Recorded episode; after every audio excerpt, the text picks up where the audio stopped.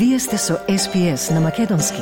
Слушнете повеќе прилози на sps.com.au козацрта на Седонин. Останете со SPS Audio на Македонски на микрофонот денеска е Маргарита Василева.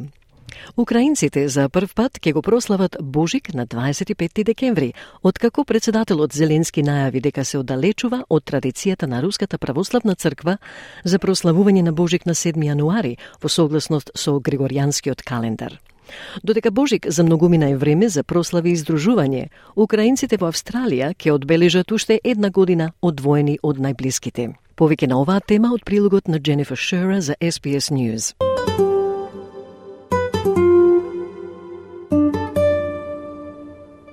Украинската двојка Влад Гуз и Саша Соловјов го одбележуваат својот прв Божик на 25 декември. По тој повод Влад подготви Божик на гозба.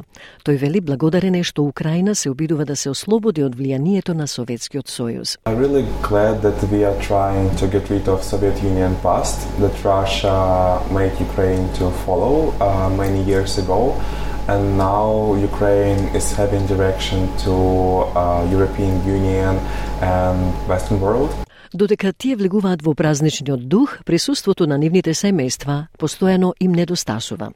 Иако за нив побезбедно е во Австралија, вели Влад, тие се надеваат дека еден ден кога ќе биде побезбедно, ќе можат да се видат и да слават заедно. Even though it is uh, safer to be here in Australia, and we are glad that we have this opportunity.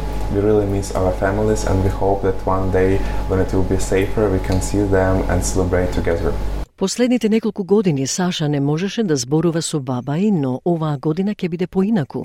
Таа неодамна и купила телефон на баба и која се уште живее во Донецк. Баба и е прилично стара, вели Саша, и нема интернет. I bought a phone for my grandma. Uh, she's still living in Donetsk, and uh, we really missed her. And uh, uh, she she's pretty old, and she doesn't have uh, an internet. And uh, we already had the conversation on video call with with my father and with my grandma. Официјалниот датум на празникот Божик беше променет во јули, кога Украинскиот парламент гласаше да се оддалечи од, како што го нарече, руското наследство на наметнатите божикни прослави на 7 јануари.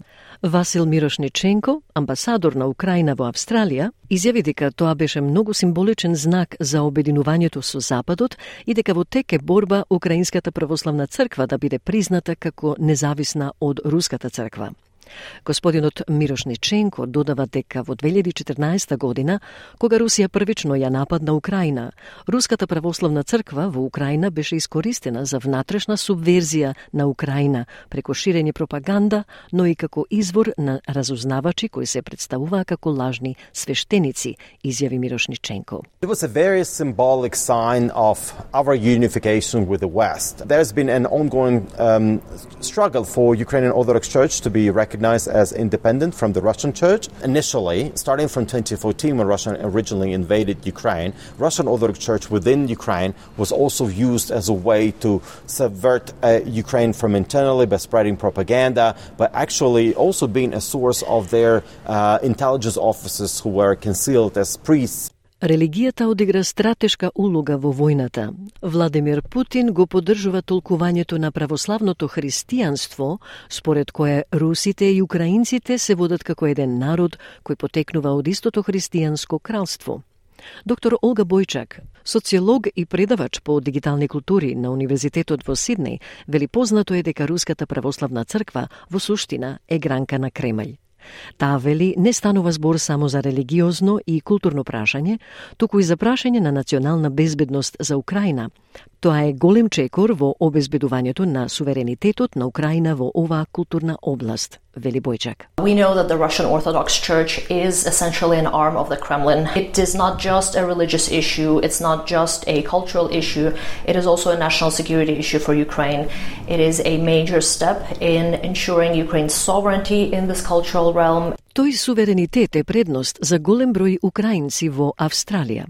Олијана Калецки, украинка, која пристигна во Австралија пред околу 18 месеци, вели многу и е тешко, бидејќи дел од незиното семејство, пријателите и братучедите се уште се наоѓаат во Украина и немаат можност да слават како неа во мир. In Australia, I, I'm like feeling it's very hard for me because it's a part of my family.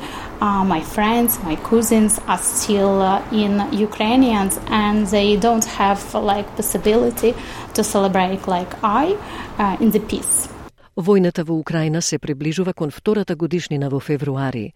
Амбасадорот на Украина во Австралија вели за секој украинец Божик е посебен ден, но и момент за сеќавање на војниците кои ја бранат земјата и ги жртвуваат своите животи. Every Ukrainian anywhere, anywhere in the world, it's a very special and and and and you know day of celebrating Christmas, but also thinking about our soldiers who are out there defending our country, who are fighting there and sacrificing uh, their lives.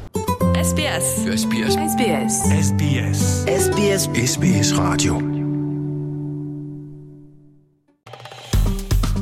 Стиснете, ми се допаѓа, споделете, коментирајте. Следете ја SPS на Македонски на Facebook.